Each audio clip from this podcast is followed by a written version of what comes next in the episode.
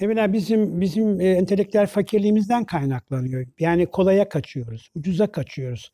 Derinliğine kazımasını yapmıyoruz. Her insan bilinmek ister ve hakikaten çok etraflı araştırmak. Böyle sati bilgilerle, kulaktan dolma bilgilerle olmaz. Bunların en kadre uğram- uğramış insan Hasan Ali Bey'dir. Hasan Ali Bey'in evvela o bahsettiğim Süheyl'in hayatında olduğu gibi o 18 aralar aşağı yukarı 40 gün falandır yani.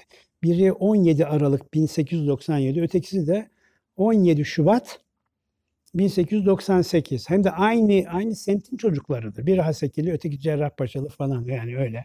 Babaları aynı şekilde şeyde şeye mensuplar, telgrafhanede çalışırlar.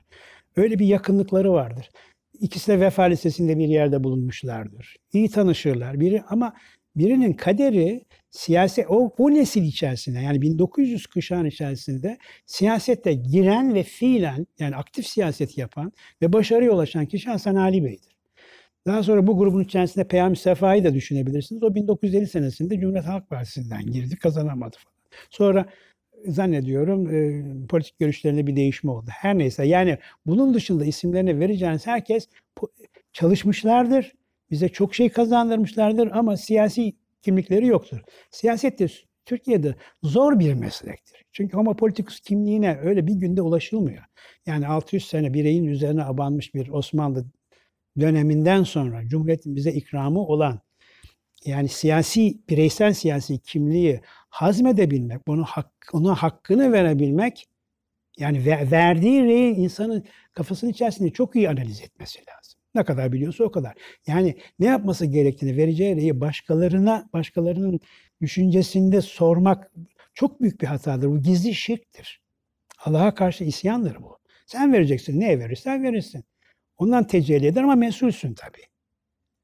Şimdi Hasan Ali Bey bu, bu yıkım içerisinde giriyor. O 10 yıllık harbi ya- yaşayan insanlar içerisinden giriyor. Ne alıyor Cumhuriyet Osmanlı'dan? Osmanlı'dan devraldığı münevver dediğimiz entelektüellerin toplum içerisindeki payı yüzde üç, yüzde 97. Çok üzgünüm. Eçheli cühala. Bunlar dedelerimiz, annelerimiz, babaannelerimiz. Bizim toplumumuz yüzde 97 ne demek? E bunu okuyup okutmak lazım. Onun endişesi bu. Eğer iktidatsızsanız önce doymaları gerek. Bunu çözeceksin. Sorunlar, sorunlar yumağı çok büyük. Rahat bir zemin almadı. Yani bugünkü cumhuriyetin geldiği seviyeyle devralınan çok farklı. Rakamlara bakın. Her şeye bakın. Doktor sayısına bak. Yani şükretmemiz lazım 95 senelik cumhuriyetin hayatına. Ee, şimdi Hasan Ali Bey burada okumak ve okutmanın endişesi içerisinde yola çıkıyor. Ama altyapısı metafizik, irrasyonel. O yeni kapıyı Mevlevihanesi'nde anne ve babasından dolayı çocukluk günlerini orada geçiriyor. Her şeyi orada öğreniyor. Neyi orada öğreniyor? Kalbi selimi orada öğreniyor. Hazreti Mevlana'nın Mesnevisini ve Divan-ı Kebir'ini, Rubaylarını orada öğreniyor. Neyi öğreniyor? Neyi öğreniyor? Zevki selimi öğreniyor. Şair, bestekar. E, Menni Kapı Mevlevihanesi'nden Dede Efendiler çıkmış. Sonra neyi öğreniyor? Aklı selimi öğreniyor. Ne alakası var diyeceksiniz yeni kapıyla. Başka bir Mevlevi tekkesinde olmaz bu. Çünkü Osman Selahaddin Dede ile Mithat Paşa Yeni Kapı Mevlevihanesi'nde Türkiye'nin ilk anayasal metnini, anayasa metnini hazırlamışlardır. Osman Selahaddin Dede. Osman Selahaddin Dede'nin oğlu Mehmet Celalettin Dede. Mehmet Celalettin Dede. Hasan Ali'nin hayran olduğu kimsedir. Bakın onun bir gözlerden kaçan onun bir şiiri vardır. Şöyle bir söyler. Ee, ismi Celali meşhali rah etmek gerek. Şimdi orada ismi Celal Allah'ın ismi, ismi Celal Hazreti Mevlana'nın Mevlana Celaleddin'i ismi Celal Mehmet Celalettin dedenin Celal. Meşali rah etmek. Bunlar o kadar candan yürekten bağlı. Kulluğun zevkindeyim Mevla ile. Dolmuşum ruhumca Mevlana ile. Diyen bir insan. Ve gadre uğradıktan sonra ne diyor biliyor musun o şiirin devamında? Yok hesabım halka hizmetten gayrı benim. Geçti ömrüm hak için kavga ile. Böyle bir şair. Bu zevki selimi de yeni kapıdan yakalanmıştır. Fakat bunları tek tek alırsanız, metafiziği tek alırsanız sizi helak eder. Akıl dünyasını tek başına alırsanız sizi helak eder. Bugün Bakın işte Fransa'nın, Amerika'nın durumlarına falan bakın siz. Tek başına irrasyonelliği olmayan bir dünyanın vardığı noktadır onlar. Yani büyük resmin daha büyüğü gibi geliyor bu söyledik, söylediklerim. Elbette tartışmaya açık. Şimdi Hasan Ali Bey bunları de, denkleştirmek, bir adeta bir kozmik denge haline getirmek, irrasyoneli, rasyoneli yan yana getirmek, geçişkenliği sağlamak kendi aralarında. Bunu düşünen bir adam. Ee, e tabi siyasete giriyor.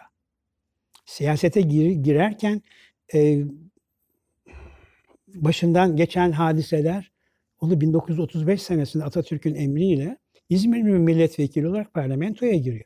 Atatürk ileride yani kendisinden sonra marifin teslim edileceği genç bir istidadı Atatürk'ün serbest fırka sonrasında 1930 Kasım'ında başlayıp zannediyorum 1931 Şubat'ında biten bir 3 aylık seyahati vardır Anadolu'da. Hasan Ali Bey orada marif müfettişi olarak o bünyenin, bu bünyenin milli eğitimin temsilcisi olarak katılıyor ve özel sohbetleri oluyor Atatürk'le.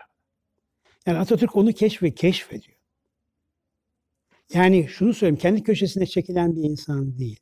Gençlik yıllarından itibaren, gençlik yıllarından itibaren bu memleketin marif meseleleri de sorunu. Yani senin benim derdimle dertleniyor.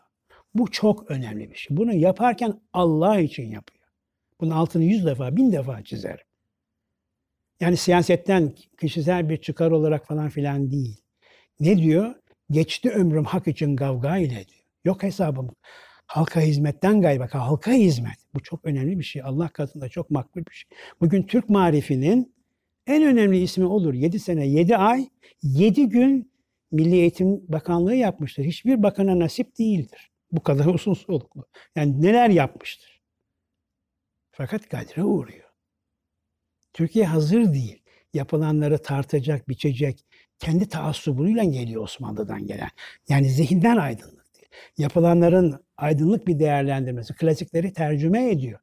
500 tane 500 tane Batı klasiği tercüme ediyor. Bunların içerisinde Adam Smith'in milletlerin zenginliği de var. Ama 60 60'tan da fazla Şark İslam klasikleri var. İlki Şark İslam klasik ilki Hazreti Mevlana'nın altı cilt mesnevisidir. Onu da Abdülbaki Gölpınarlı'ya tercüme ettiriyor. Bunlar hizmettir.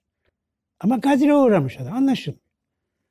E bunun üzerine üzerine köy enstitülerinden dolayı çok büyük bir çamur atıyorlar. Bu orası komünist yetiştiriyor, komünist yuvası falan filan diye. E Kemal Tahir'in eseri var, romanı var. Bozkur'daki şekilde faşist yuvalar diyor. E ne diyeceksin? Halbuki ne komünist ne faşist. Kurgulanma itibariyle söylüyorum. 1730'lara doğru yani bir İtalyan pedagogu var. Pastelozzi'nin programını tatbik etmeye çalışıyorlar. Para yok, bir şey yok. Türkiye bir alev çemberi içerisinde. Avrupa yanıyor gidiyor. Harp içerisinde Allah'tan korunmuşuz. Böyle parasızlık ortamı içerisinde kendi yağıyla kavrulan bir Milli Eğitim Bakanlığı. Öyle vur patlasın, çal oynasın tarzında imkanları olan bir ekonomik düzlem içerisinden gelmiyoruz. Zemini, zamanı kendi iklimi içerisinde değerlendirmemiz lazım. Bugünden ahkam kesmemizin şeysi yok. Netice itibariyle o ona yüklenince bir, bir de şu var. Ya siz o günlere pek yetişmediniz ama benim çocukluk günlerimde şöyle şunu söylerlerdi. Bir şeyin şuyu vukuundan beterdir. Yani bir şeyin şayası olmuşundan beterdir. E şimdi sen o dönemde komünist dediğin zaman komünist olmasan bile gittin. Bittin. E adam diyor ki değilim diyor. Kıymeti yok. Kıymeti yok. Onun üzerine diyor ki işte o zaman kendi Yeni Kapı Mevlevihanesi'ndeki günleri gayet usluplu, tartılı, terazili bir şekilde gazete sütunlarında yazıyor, anlatıyor. Biz oradan öğreniyoruz. Yoksa Hasan Ali Bey çok erken de gitmiştir yani.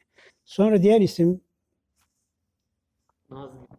Nazım Hikmet hakkında onun hakkında da yeterli şekilde tam bir bilgiye sahip değiliz. Bir Vala Nureddin Allah rahmet eylesin Banu'nun bu dünyadan geçti Nazım kitabı vardı. En benim ölçüme göre tabii en mükemmel, en muhallet onu görüyorum onun hakkında. O biraz evvel Sabri nereden baktı? Onun teyzesinin çocuğudur. Öyle bir aile ki Paşa Bey konaklarında yaşamış insanlar bunlar. Türkiye'nin kaderi üzerinde. Çünkü Sabri Bey'in f- irrasyonel tarafını anlattım bile. Fizik tarafı asker.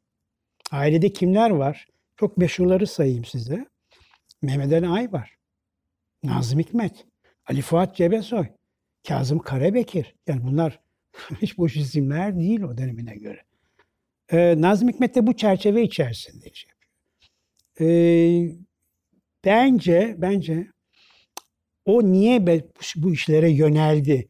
Rusya'ya gittiler bunlar. Sadece o değil. Vala Nurettin gitti, Nazım Hikmet gitti, Şevket Süreyya Aydemir gitti, e, İsmail Hüsrev Tökün gitti. Gördüler oradaki dünyayı. Şevket Süreyya Bey anladı, geldi bir şeyler yazdı. Çünkü hiçbir teorik çerçeve bireyi dışladığı an yıkılmamaya mahkum değildir. Mutlaka yıkılır. Bireysel bir şey kuramazsınız siz. Ama bireyin bulunduğu yerde de teoriyi kurmak çok zordur. İktisatçının bunalıp bocal- bocalaması da oradan gelir. Sosyologların bunalıp bocalaması da oradan gelir. Fizik ilimler gibi değildir. Netice itibariyle şairliği evet fakat biz onu eksik ve kusurlu tanıyoruz. Mesela benim son çalışmam Şeyh Bedrettin'de gördüm ki Şeyh Bedrettin'i o bir komünist olarak göstermesinin temel sebebi Şeyh Bedrettin'in komünistliğinden öteye e, Moskova'ya, Stalinistlere bir meydan okuyuşu vardır. Yani siz de komünizm falan diye geçiniyorsunuz. Marx diyorsunuz. Bir de daha evveli var diyor. 1400'lere çekiyor. Bütün mesele eğer ortada bir komünizm varsa oradaki milli bir damarı bulmasıdır. Bu çok önemli. Milli bir damar. İki, Rusya günlerinde sürekli Türkçe yazmıştır. Gözlerden kaçan bir noktadır bu. Yaz isteseydi Rusça yazabilirdi, başka dilden de yazabilirdi ama hayır. Oradaki Türkler bunun yazdığı şiirle bir nevi bir nevi hayatiyetlerini, dil hayatiyetlerini sürdürmüşlerdir. O bakımdan ona medyonu şükran olmamız lazım. Nazım Hikmet Bey'i anlamamız lazım.